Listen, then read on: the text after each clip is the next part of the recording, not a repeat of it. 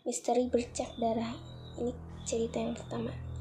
Kisah mistis yang pertama dan sangat identik dengan SMA Tugu Malang yaitu misteri bercak darah. Darah yang tersebar di berbagai lantai. Tai ini bercak-bercak ini muncul di lantai berbagai ruangan, kelas dan aula sekolah. Konon Konon katanya setiap kali pihak sekolah melakukan usaha penggantian upin lantai selalu berujung gagal. Bercak darah tersebut selalu muncul di ubin yang baru. Bahkan menurut cerita, para petugas yang mengganti ubin pun mendadak jatuh sakit. Terus ada lagi nih kisah kedua, terowongan angker. Misteri lainnya itu itu terowongan angker di kawasan SMA tersebut.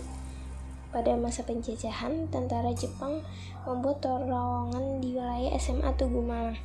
Saat itu terowongan ini berguna untuk menghubungkan ke stasiun kereta dan kantor gubernur. Akan tetapi saat ini terowongan tersebut sudah tidak berfungsi.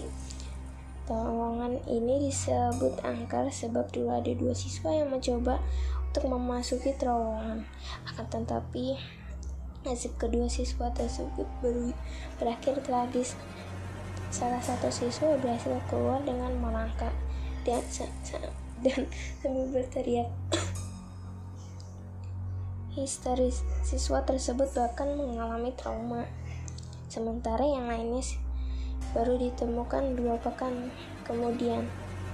Dia dia rada gila sih pas ditemuin kondisi kejiwaannya yang terguncang gitu loh terus kisah cerita yang ketiga tentara tanpa kepala Salah satu area di kawasan SMA Tugu Malang adalah Aula Tugu. Aula ini digunakan bersama oleh para siswa dari SMA 1 Malang, SMA 3, dan SMA 4 Malang. Di area ini kerap muncul penampakan barisan tentara, akan tetapi seramnya penampakan para tentara para tentara bermunculan dalam kondisi tanpa kepala. Kemunculan penampakan barisan tentara tanpa kepala ini membuat aula tersebut dilarang untuk dikunjungi saat malam hari. Ya siapa juga mau ke? Serem. Terus ada lagi nih, pocong berguling berguling-guling di lantai SMA 1 Malang. Kalau digebuk hilang gak ya nih orang di pocong? Kejadian mistis lainnya yang pernah dialami oleh salah satu siswa yang juga mantan ketos ketua OSIS SMA 1 Malang. Siswa tersebut pernah melihat penampakan pocong di lorong lantai 2 SMA 1 Malang saat